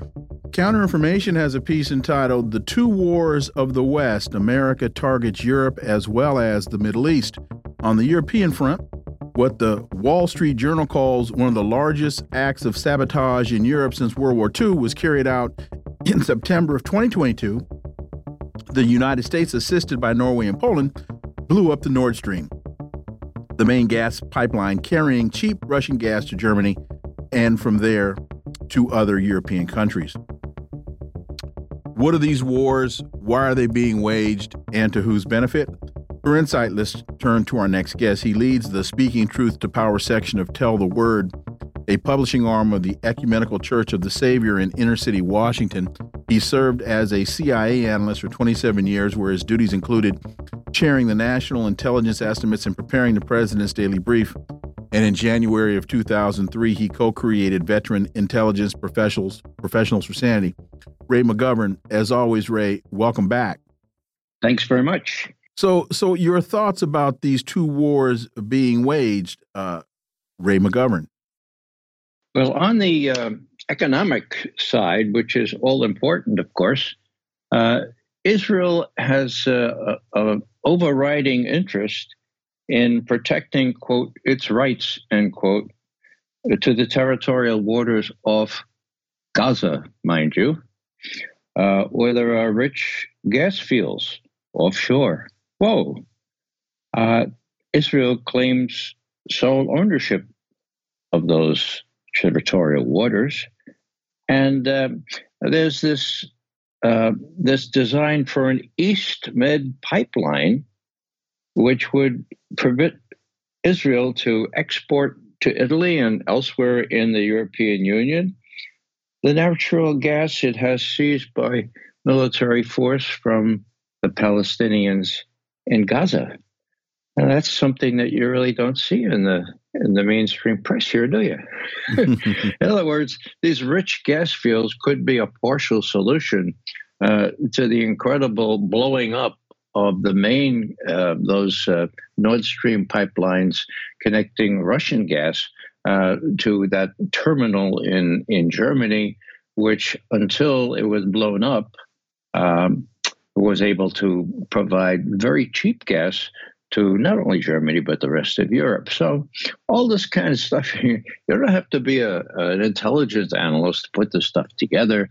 The Israelis uh, see a real economic interest in dominating Gaza.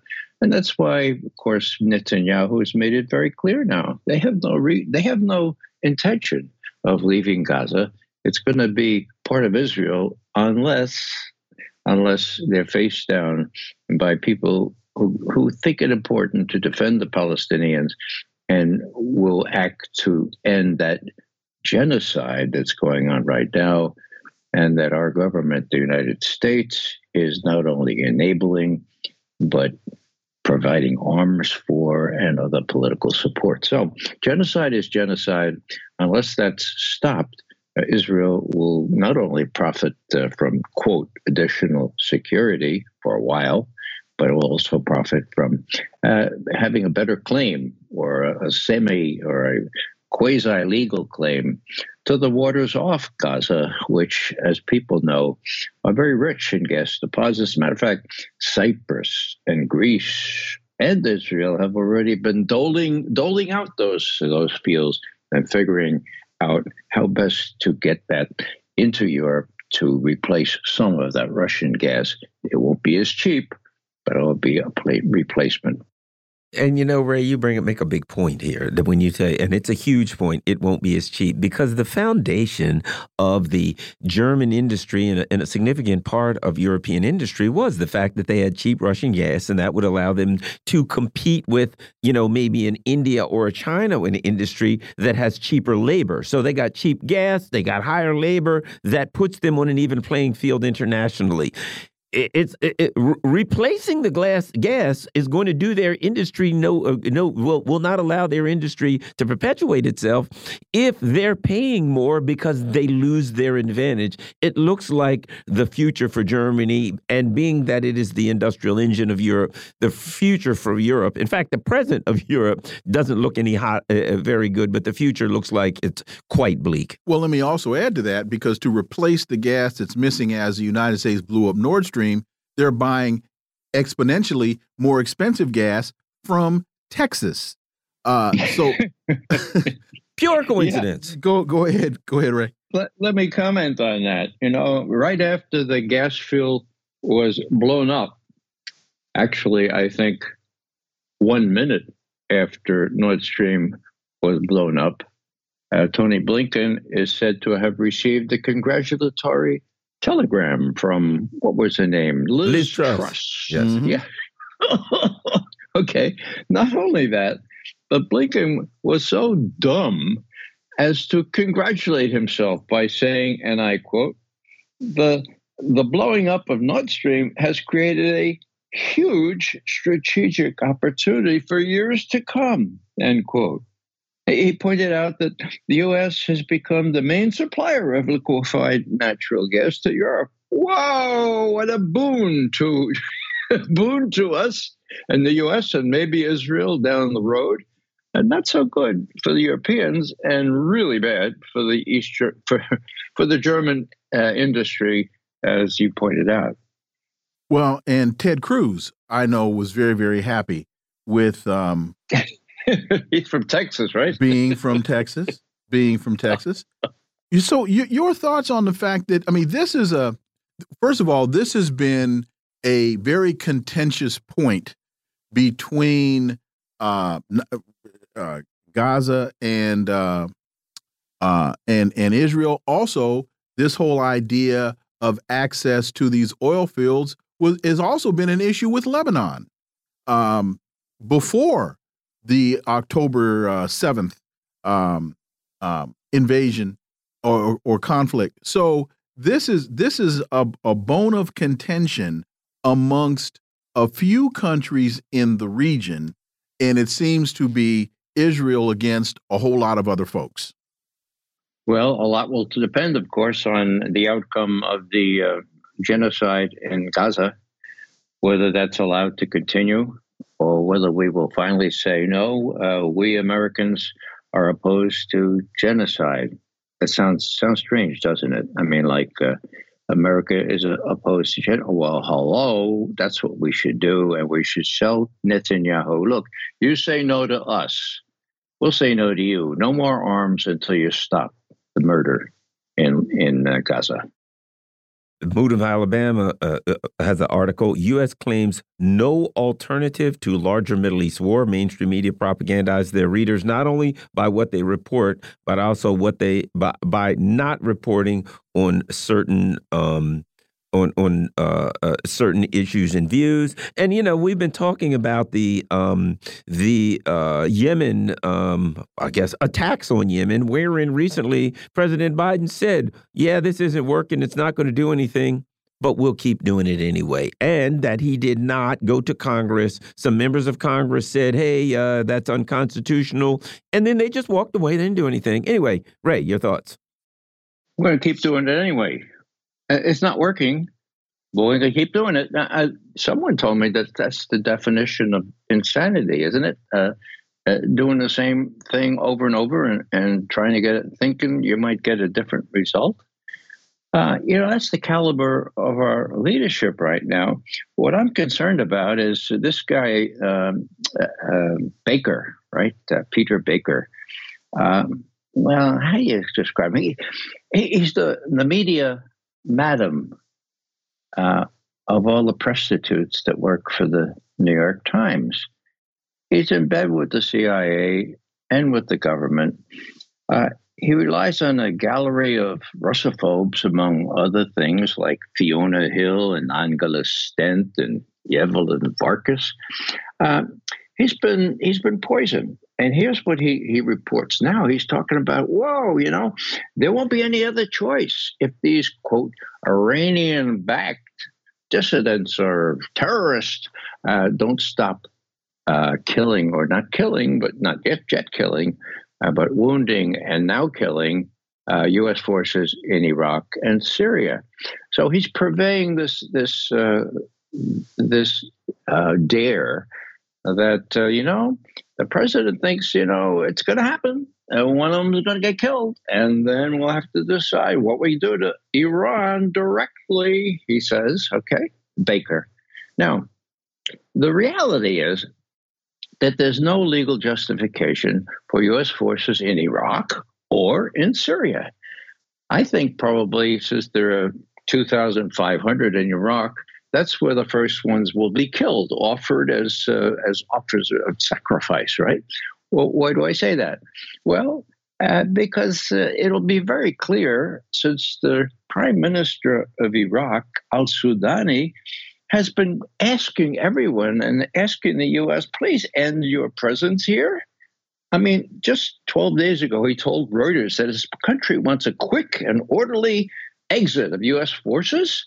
He said, there is a need, now get this, folks, there is a need to prevent U.S. forces from being a target or justification for any party, internal or foreign, to bring instability not only in Iraq, but the entire region. So the U.S. has been asked to leave Iraq.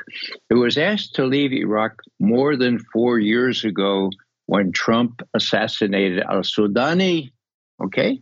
Uh, now they're, repeating that if a U.S. soldier gets killed in, in Iraq, uh, it's going to be very clear to the rest of the world who might have some access to free media that these troops were not invited, that they were there illegally, that they were not wanted, they weren't welcome, they had been asked to leave. So, you know, if that happens, and if it happens in Syria, where President Trump said, well, you ask why why our troops are in Syria? Well, they're there to steal the oil, of course.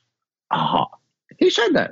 That's a direct quote. So, if this happens, the U.S. may try to use this as quote justification end quote to hit Iran directly, as Peter Baker suggests, but nobody will believe that that's the game that's really going on. And we have just about a minute and a half left.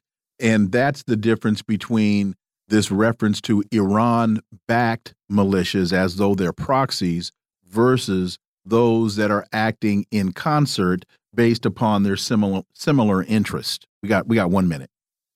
Well, it's true. I mean, we know that Hezbollah and Hamas uh, didn't know word one about what was going to happen October 7th. Um, and we know that even though they have been supported and, and to extent uh, supplied by Iran, they make their own decisions. Mm-hmm. So, you know, not even Iran is in control of these guys, however much they're called Iran backed or Iran supplied. Uh, it's really very volatile there. I dare say I have no confidence in what people like Blinken and Sullivan and those guys might do. Ray McGovern, as always, greatly appreciated. Thank you. You're most welcome. And and Garland, again, people need to understand the difference between uh, acting in concert because you recognize you're being oppressed by the same forces versus being a proxy, a la Ukraine. Yeah, and how about this? If the U.S. says if uh, uh, let's say two soldiers get killed, we'll attack Iran and many thousands will get killed. So if two die, we, we will might, then start a war well, where tens well of thousands 20, will die. There's something I, I am not a mathematician, but I just don't think that's a wise move. Uh, well said, Garland. Folks, you've been listening to the Critical Hour here on Radio Sputnik. Thank you for allowing our voices into your space on behalf of myself and my co-host Garland Nixon. We hope you were informed and enlightened, and we look forward to talking with you all right here tomorrow on Radio Sputnik. Be safe. Peace and blessings. We're out.